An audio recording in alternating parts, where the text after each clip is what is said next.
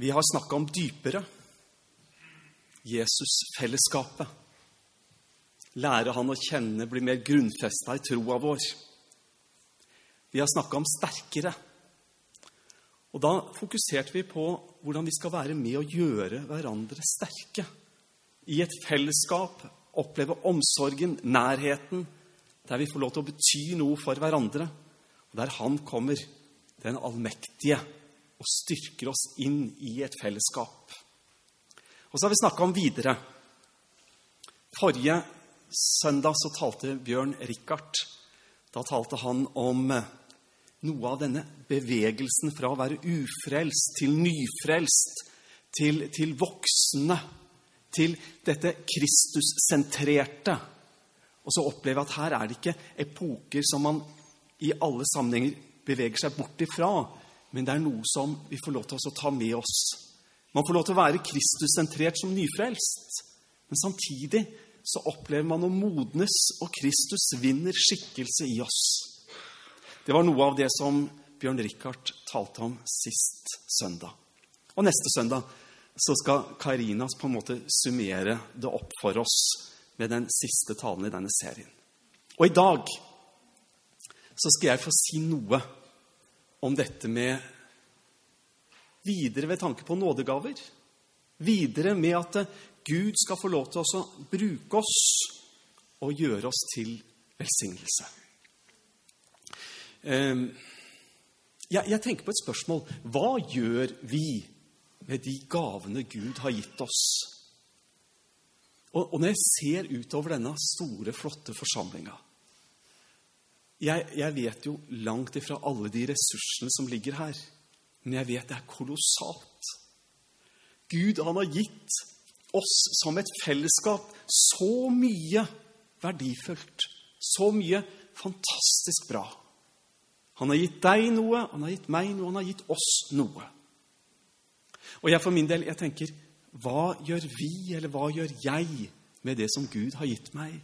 Hvordan skal jeg komme videre, at det ikke blir stillestand, men at jeg får lov til å vokse, og at jeg får oppleve noe av dette her. De blir atter fylt av Ånden, at de får lov til å vokse. Ehm, jeg tror at hvis man spør noen hvor mye av det Gud har gitt deg, bruker du for Han?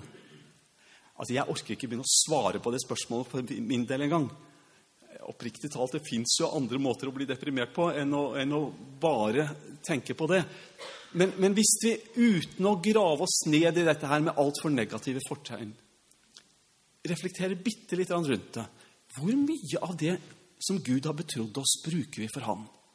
Og Det kan være at det kommer vidt forskjellige svar, og noen vil si 70 og 80 60 50 90 men som sagt, jeg orker ikke prøve å sette en sånn prosentgreie på mitt eget liv, og det syns jeg du også skal få lov til å slippe.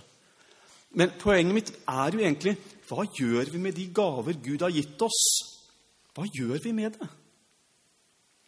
Og på en måte, om det, er, om det er det ene eller det andre vi sier Det er nesten ingen som sier null, og det er nesten ingen som sier 100.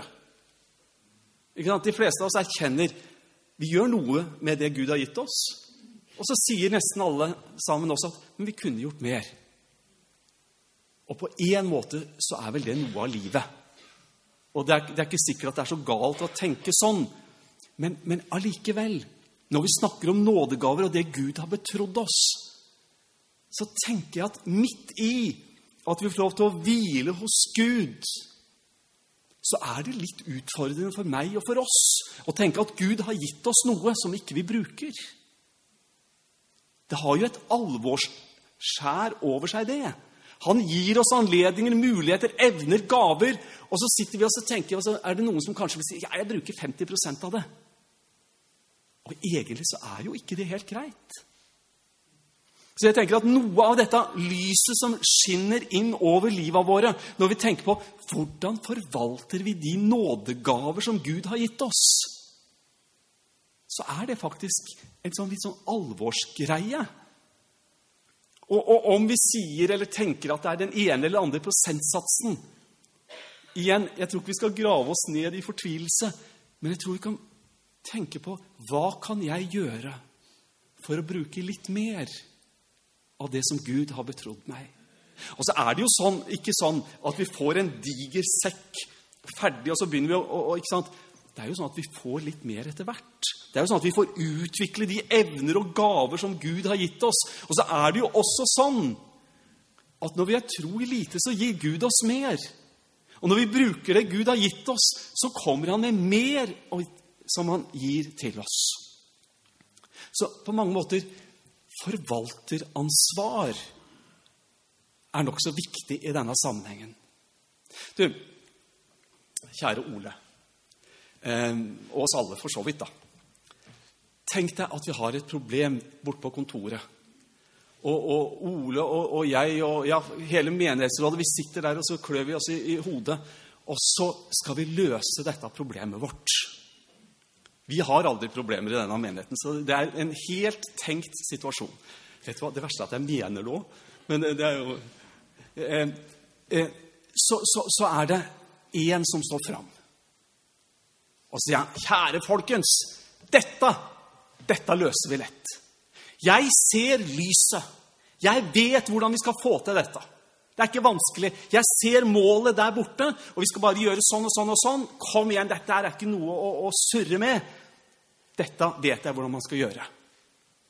Og hvis vi skulle satt noe etikett på det, så er det liksom en sånn typisk ledertype.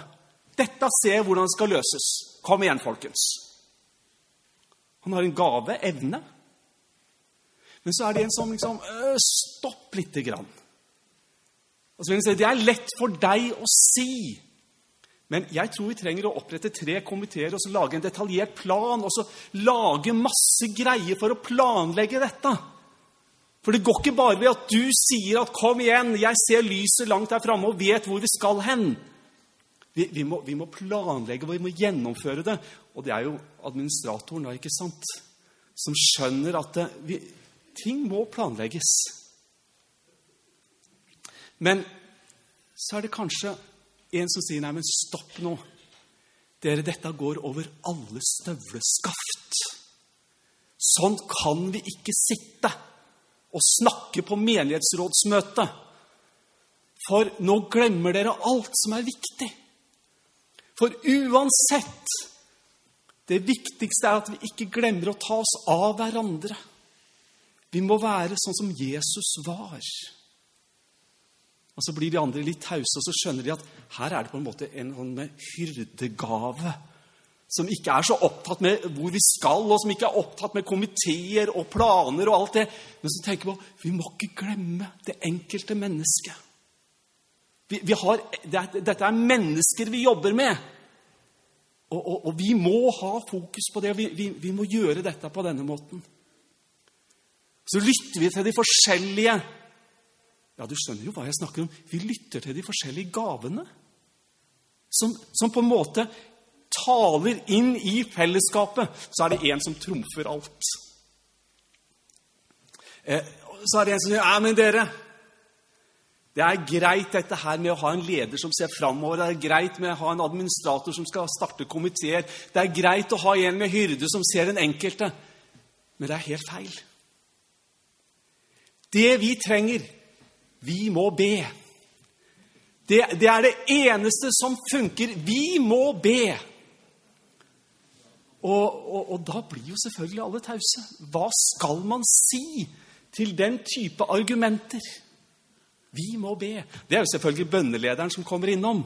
ikke sant? Eller eh, kanskje ikke bønnelederen i den forstand at det er vedkommende som leder oss i bønn, men den som leder i bønn. Mest for sin Kanskje, ikke sant? Den som klarer å be lengst og høyest og alt dette greiene, som virkelig er en bønneleder i den meninga av ordet. Og som syns at alle andre de må jo forstå det er bønn som er løsningen. Og så har vi disse fire gavene personifisert. Vi har en bønneleder, vi har en leder, vi har en pastor, vi har en administrator. Og vet dere, alle sammen tenker én tanke. Helt identisk tror jeg. Alle sammen tenker egentlig dere må bli som meg. Det tenker alle. Altså ikke meg, men meg. Du skjønner. Ikke sant? Hadde alle bare sett det sånn som jeg gjør Alle må forstå det sånn som jeg forstår det. Og de som ikke forstår det og tenker som jeg, ja, de trenger virkelig å se det på nytt. Og dere, Sånn kan man holde på. Og man kan tenke at det, sånn som jeg tenker, må alle tenke. Men dere, hva om den som har gaven til å lede, får lov til å gjøre det? Hva om den som har gaven til å være med å be, får lov til å gjøre det? Få med seg flere. Hva med den som har et pastorhjerte, som ser den enkelte, som har fokus på å, det er mennesker vi arbeider med og sammen med.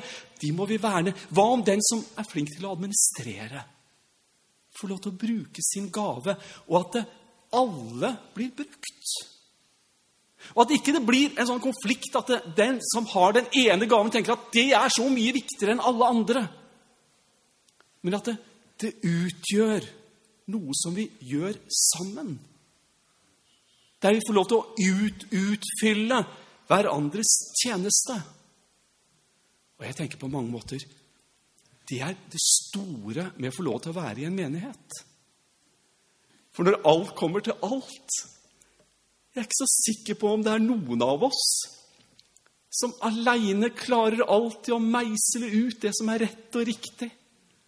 Jeg er ikke så sikker på om det er noen av oss som aleine klarer å fylle alle forskjellige oppgaver.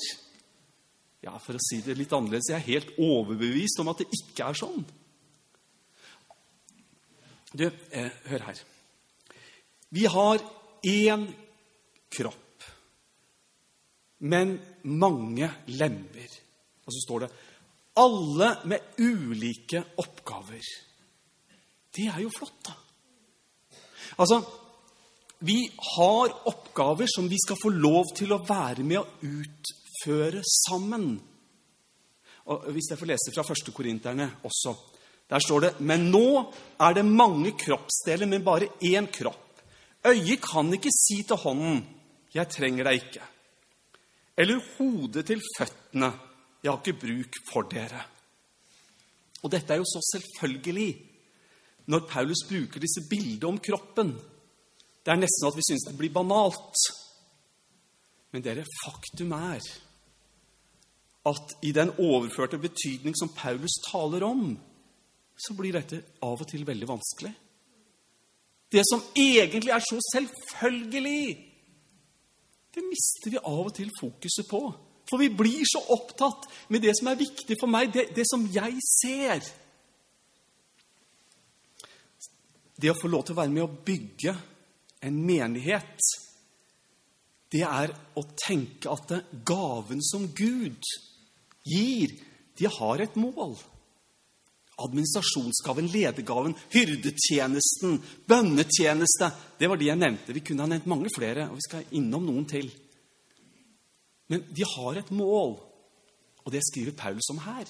Når Paulus skriver 'Siden dere nå med iver søker de åndelige gaver' Og så skriver han 'Så søk å få dem i rikt mål' for at menigheten kan bli oppbygget.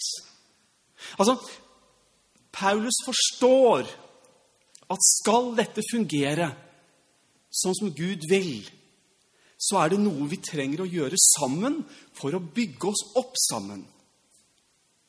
Og, og den prosessen fra å lære Jesus å kjenne til å komme inn i et fellesskap og kjenne at vi blir tryggere i troa vår. Vi får hjelp med hverdagen vår. Så skal vi få lov til å gå videre inn i en tjeneste hvor vi ikke står aleine der heller, men vi får lov til å være med som en lem på et legeme. Som en, som en oppgave som Gud betror oss. Det er, jo, det er jo på mange måter siden dere nå med iver søker. Eh, det, står videre i Efeserbrevet Jeg har lyst til å lese det. Der står det Og blir det modne mennesket som er fullvoksent og har hele Kristi fylde. Vi snakker om videre. Vi snakker om å vokse inn i noe til modenhet, hvor vi skal få lov til å være med. av dere, og har hele Kristi fylde. Det er den prosessen om at Jesus vinner skikkelse i oss. Vi begynner å ligne mer på han. Dere, gaver er noe fint. Og vi snakker om nådegaver, og vi snakker om det ene og det andre når det gjelder åndelige gaver. Vi tenker av og til på de ni gavene som vi kaller av og til for overordentlige nådegaver. de ni, men, men det er nok flere enn det. Og Bare lytt her fra 1. Korinterne 12. Gud satte i menigheten først noen til apostler, for det andre profeter, for det tredje lærere, dernest kraftige gjerninger, så nådegaver til å helbrede, til å hjelpe, til å styre, og ulike slags tunger. Og jeg skal ikke si at det er tilfeldig valgt, men det fins mange andre skriftsteder som jeg også kunne ha valgt, som beskriver noe av dette. Jeg har så lyst til å understreke en liten ting her i denne sammenhengen. Og vi leste så nådegaven til å helbrede, og så rett etterpå til å hjelpe, til å styre og ulike slags tunger. Jeg vet ikke hvor mye vi reflekterer over den lille greia der til å hjelpe. Jeg, jeg, tror at jeg av og til har så lett for å ha fokus på det, det som vi av og til, i hvert fall med menneskelige øyne, tenker på som så stort og voldsomt. Å, det er så, det er så viktig, og så, vi legger merke til det. Men, men våre liksom, Når vi skal begynne å vekte oss i det ene er viktig, og det andre ikke så viktig, for dette er mye viktigere enn det ikke sant? Jeg tror alltid det blir feil. Jeg tenker at Det der skal vi få lov til å legge i Guds hender, og så skal vi tjene ham med den nådegave som han har gitt oss, til å hjelpe. Jeg klarer ikke la være, og jeg, jeg vet jeg nevnte dette for noen år siden. Men jeg gjorde noen en stor tjeneste for ei stund siden. Og jeg syntes det var hyggelig å kunne hjelpe. Og min tjeneste besto på mange måter, syntes jeg, når sant skal sies, i at det, det kommer en kar, og han vil så gjerne hjelpe meg. Og vet du hva? ting blir snudd så fullstendig på hodet. At, eh, ikke sant? Her kommer Sigmund og sier at du, jeg, jeg, jeg vet om noe ved. Og, og, og, det ligger helt kjørt til til veien. Hvis du vil, så kan vi stikke opp, og så kan, så kan du få så mye ved du vil. Legge på hengeren din, og, og jeg, kan, jeg har motorsag, vet du. Så det jeg hjalp til med, var å la han få lov. Og, jeg følte at han var så takknemlig og jeg hadde gjort han en stor tjeneste. Jeg visste heldigvis at så ikke var tilfellet. For jeg, jeg, jeg surra ikke med det, og jeg visste godt hvem det var som gjorde en tjeneste. Men ut fra hans innstilling så følte jeg nesten at han kom og takka meg for å få lov. Og så la han til etter at jeg hadde kjørt av gårde. og så ringte han. Men du, Helge Terje, jeg har jo den motorsaga, vet du, og nå fikk du hjem sånne kjempelange stokker. Så jeg tar meg en tur, for at den motorsaga er så bra, det går så fort. Så jeg kan, jeg kan jo hugge de, eller skjære de opp i passe biter. og og jeg sa ja, det kan du altså få lov til. Men du Egentlig så, så, så står jeg på alvor så står jeg igjen sant, med, med omtrent tårer i øya. Ikke fordi at den veden betydde så mye, men fordi at man opplever hjelpsomhet og vennlighet. Er ikke det en nådegave som betyr noe inn i et fellesskap? Det er sjelden at jeg driver med muring. Og det er kanskje bra for mye. Men, men, jeg skulle mure et eller annet. Og det å stå og blande sement, det er jo en forferdelig jobb, og det blir jo dårlig. Men å få tak i en sementblander Og svogeren min hadde jo en sånn, men så viste det seg at han ikke hadde den lenger. Eh, og så står jeg og klør med hodet og lurer på hva skal jeg gjøre. Nei, det er jo for dumt å kjøpe en sementblander når jeg skal bruke den én gang nå, og så kanskje jeg hadde nær sagt aldri mer. Eh, og så ringte jeg til Morten Hansen.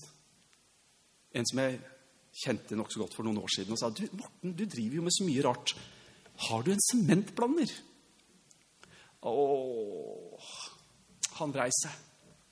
Jo, jo, han hadde en sementblander. Men den, den, var så dårlig, så han var engstelig for det. Og jeg, jeg, jeg misforsto jo situasjonen. Jeg trodde han ikke ville låne meg sementblanderen sin. Så jeg sa jo selvfølgelig at ja, men det er ikke noe problem. Kjære deg, jeg, det ordner jeg på en annen måte. Det er ikke noe problem. Nei, nei, nei, nei, nei. Det var overhodet ikke sånn ment. Men han, han, han syntes bare det var så dumt at den ikke var bra, og at den kunne gå i stykker. Men jeg sa det er ikke snakk om, jeg vil jo ikke låne den som kan gå i stykker. Den må du behandle pent og fint med kyndige hender, så at den kan vare litt lenger. Men det var ikke snakk om, nei. Han skulle at jeg skulle ha den sementplanen. Det var ikke spørsmål om. Og, og hadde ikke jeg kommet og henta den, så hadde han kommet og levert den. Det var helt sikkert. Og så, og så kommer jeg opp og, og, og, låner den sementplanen når det går så fint og greit på alle måter. Men, men for han Det var superviktig at jeg skulle selvfølgelig bruke den. Det eneste var at han skulle ønske at den hadde vært enda bedre, men den gjorde jo jobben sin så bra. Og så ser jeg det er noen som vil hjelpe. Det var to eksempler. Jeg kunne tatt mange. Og jeg kunne tatt mange som ikke jeg var en del av også. For det å hjelpe er en nådegave. Og det er viktig. Og det er med på å bygge et fellesskap som jeg tror er veldig viktig. Du, romerne Vi har forskjellige nådegaver, alt etter den nåde Gud har gitt oss. Den som har profetisk gave, skal bruke den i samsvar med troen. Ja, vi snakka om det å hjelpe. Nå snakker vi plutselig om profetisk gave. Og det ja, Nei, jeg skal ikke gjenta meg sjøl, men profetisk gave. Kan du tenke deg den tjenesten? Hvor viktig den er. Når profeten kommer, og vi kan lese både Det gamle og Det nye testamentet Profeten hører inn hva Gud sier. Og så er det som om han med dirrende finger peker på David og sier, 'Du er mannen.' Og de av dere som kan historien, dere husker den. Altså, profeten kommer og formidler noe fra Gud. I dag er det kanskje enklere å være profet. Ja, det kommer an på hvordan du definerer gaver. Men i dag Jo, det er viktig å høre hva Gud sier. Men vet du hva? Har du tenkt på det? At vi, vi er ikke bare avhengig av å lytte inn det som Gud sier til oss ved ånden på en måte. Plutselig så tenker vi på det og får blikket retta mot det. Men i dag så får vi lov til å lese hva Gud sier. Tenk det. Han har gitt så mye til oss skriftlig i boka si. Og der leser jeg om hva Gud sier. Og, og du vet at jeg kan gå til folk hvis, de, hvis de gjør noe som er gærent. Hvis det at jeg vet om en som driver og ljuger, så kan jeg gå til han og så kan jeg si at du, Gud har sagt at du skal ikke lyve. Nå fins det nok både vise og uvise måter å si det på, så det er ikke det som er poenget mitt. Men, men, men, men Gud formidler noe til oss gjennom sitt ord. Og profetoppgaven er å la andre få lov til å se inn i det som Gud vil at de skal se. Og vi får lov til å lese Guds ord, og Guds ord får lov til å forme oss. Og vi får lov til å be om Den hellige ånds lys og åpenbaring. Og så får vi lov til å være med og formidle det. Vi får lov til å gå videre med Han og være en kanal for at det Gud sier, skal nå ut til andre mennesker. Det er stort. Jeg skulle ønske vi alle var profeter. Står ikke det en plass, forresten? Jo, det gjør det. Det, det, det er visst ikke noe galt i å ønske det, om at vi alle skulle ha denne innsikten og åpne oss og utvikle den nådegaven. Igjen vi har forskjellige nådegaver, alt etter den nåde Gud har gitt oss. Den som er lærer, skal undervise. Jeg skal ikke bruke så mye tid på det. Men jeg har lyst til å oppmuntre deg. Ikke tenk på læretjenesten bare som en plattformtjeneste. Jeg tror lære, lærerembetet og læretjenesten er mye større og videre enn at det er knytta bare til denne type undervisning. Jeg tror du får lov til å være med å veilede folk. Jeg tror du får lov til å være med å åpne folks interesse for Guds ord. Jeg tror du er med på å fostre mennesker. Vi trenger lærere. Du, jeg skulle ønske vi alle var lærere. Som kunne være med å ta oss av hverandre, fostre hverandre. Vær med og hjelp de hellige som lider nød, og legg vind på gjestfrihet. Går det an å tenke på gjestfrihet som en nådegave? Du, jeg tok dette flotte bildet. Det er, kafé, det er ikke jeg som har tatt det, jeg bare valgte det ut, mente jeg å si. Eh, det er flotte bilder fra kafeen vår. Nå skal vi ned og spise deilig middag snart. Jeg vet hva? Jeg tror grunnen til at du og jeg skal kunne gå ned og spise, det er at det er noen gjestfrie mennesker iblant oss. Som steller i stand og ønsker oss velkommen til bords. Som har jobba timevis med å forberede middagen for oss. Det er folk som har bakt kaker for å gjøre det hyggelig og, og flott. Er ikke det gjestfrihet? Og så, og så ville vi ha det her for at ingen skulle bli glemt. For at ikke vi skulle invitere noen og risikere at det var noen som ble glemt. Og så er det fest og gjestfrihet. Og det er noen som gjør det uten å tenke. Nå blir jeg vel snart invitert sjøl. Eller ja, det uttrykket 'What's in it for me?' Som gjør det ikke for å få noe igjen. Og dere, Jesus snakka om det. Han snakka om hvor viktig det var å ikke gjøre disse tjenestene for at man sjøl skal tjene på det og få noe i retur, men å gi av et villig hjerte. Dere, videre gjestfrihet. Ja, det er kanskje ikke blant de voldsomme, veldige tingene som vi tenker på av og til når vi tenker på de store Guds menn og Guds kvinner. Men igjen de der målestokkene som vi lager, de blir alltid feil. Når vi begynner å sammenligne tjenester og mennesker med hverandre, så tror jeg det alltid blir feil. For Gud har en annen målestokk. For Gud ser til hjertet. Gud ser til forvalter sinn.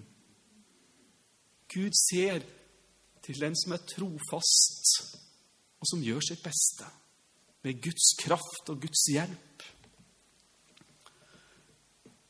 Gjør dette i bønn, og legg alt fram for Gud. Hør her. Be alltid i ånden.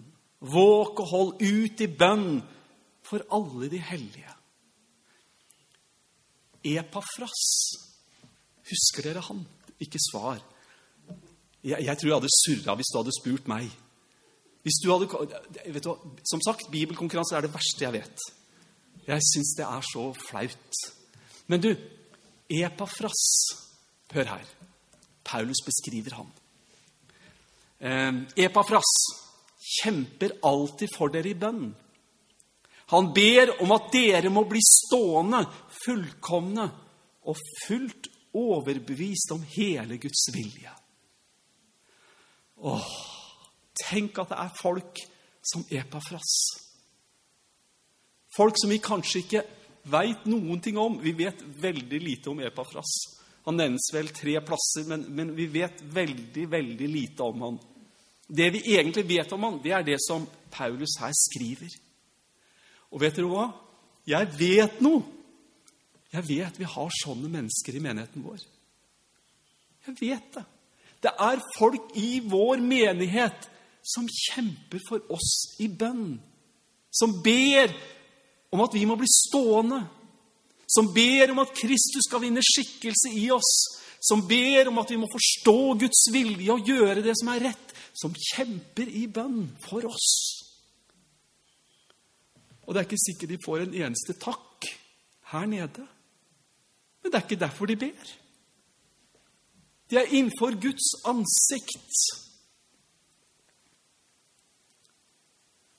og si at de må komme seg videre til noe større Ja, alle vet jo at det ville være helt feil å tenke sånn. Hør. Vi har forskjellige nådegaver, alt etter den nåde Gud har gitt oss. Den som er satt til å lede, skal gjøre det med iver. Så kunne vi sagt mer om det. For til én ble det gitt visdomstale ved Ånden, til en annen kunnskapstale ved den samme ånd. Og vi kunne sagt mer om det. Men dere, vi har lest. Vi har forskjellige nådegaver, alt etter den nåde Gud har gitt oss. Den som gir av sitt eget, skal gjøre det uten baktanke. Vi leser om sjenerøsitet. Du, hør her. Vi har forskjellige nådegaver, alt etter den nåde Gud har gitt oss. Og den som trøster, skal virkelig trøste. Er det en nådegave? Om vi skulle møte noen som står der midt i livets smerte, så er det noen som har fått en nådegave. Og det er å komme og legge kanskje armen på skuldra. Være med å hjelpe og trøste. Ikke med tomme ord. Og av og til skal kanskje trøst være det som ikke sies. Ikke bare overøse med det ene og det andre av lange setninger og forklaringer på ting man ikke forstår. Men å komme og trøste og være nær. Det er en nådegave. Det å være et medmenneske. Tilbake til det, det, det bildet vi hadde til å begynne med. Hvor mye av det Gud har gitt oss, er vi med på å forvalte? Hvor mye bruker vi av det? Tenker vi ja, jeg bruker 70% av det for å holde. Nei, vi gjør jo ikke det. Men kanskje noe av dette kan være med å minne oss om å være enda hva skal vi si, mer oppmerksomme på å forvalte det Gud har betrodd oss. For det betyr noe. Han har ikke gitt oss noe som er uten betydning for andre mennesker. Det betyr noe for andre mennesker at du og jeg er Og nå tenkte jeg jeg skulle si gode forvaltere. Og det mener jeg. Men la meg si det på en annen måte. At du og jeg er glade forvaltere. Og så tenker jeg at det kan smelte sammen. Der vi ikke knuges ned. For jeg er så redd for det. For jeg vet at vi alltid kunne gjort bedre. Og, og, noen pisker seg i den forstand at de, blir, de går alltid og tenker 'Å, jeg, er, jeg, gjør ingenting for Gud'. Og Jeg tror ikke det er sånn vi skal tenke. Men om Gud kan gjøre oss til gode og glade forvaltere du, I 2. Timoteus så står det Derfor minner jeg deg om at du igjen opptenner den Guds nådegave som er i deg ved min håndspåleggelse. Kanskje det er noe som vi kan minne hverandre om. Paulus skriver det til Timoteus. Vi kjenner ikke fullt ut bakgrunnen, men vi forstår jo at Timoteus trengte en liten påminnelse. Kom igjen, Timoteus. Du har fått noe som du nå ikke bruker. Det var ikke verdens undergang av den grunn. Han hadde ikke dermed blitt en frafallen men, men, det var en nødvendig korrigering gitt som en nødvendig og kjær oppmuntring. Jeg minner deg om at du igjen opptenner den Guds nådegave som er i deg. Ved min håndspåleggelse legger han til. Altså, det var noe som Paulus hadde vært med å be fram i Timoteus sitt liv. Det var noe som Gud hadde gitt han og kanskje du og jeg kan lytte inn noe av dette. Vi skal videre. Vi skal ikke stoppe opp. Vi skal ikke tenke liksom at ja, nå er jeg både frelst og døpt og åndsdøpt og hva det måtte være. Men du har fått en nådegave. Alle har det. Vi skula det ut. Alle. Du har en nådegave. Og så får vi lov til å si til hverandre vi skal hjelpe hverandre til å opptenne dette. Fordi det er mer for hver eneste en av oss. Vi, vi, vi er ikke der på 100% noen av oss. Og så trenger vi å være i et fellesskap der vi får lov til å oppgløde hverandre til kjærlighet og gode gjerninger. Og nå erkjenner jeg at dette er en fin plass å avslutte.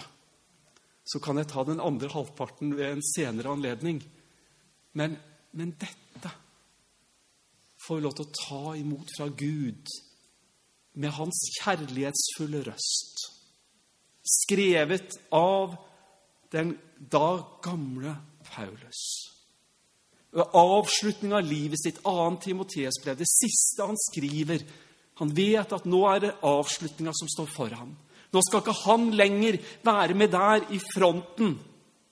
Nå er hans livsløp fullendt.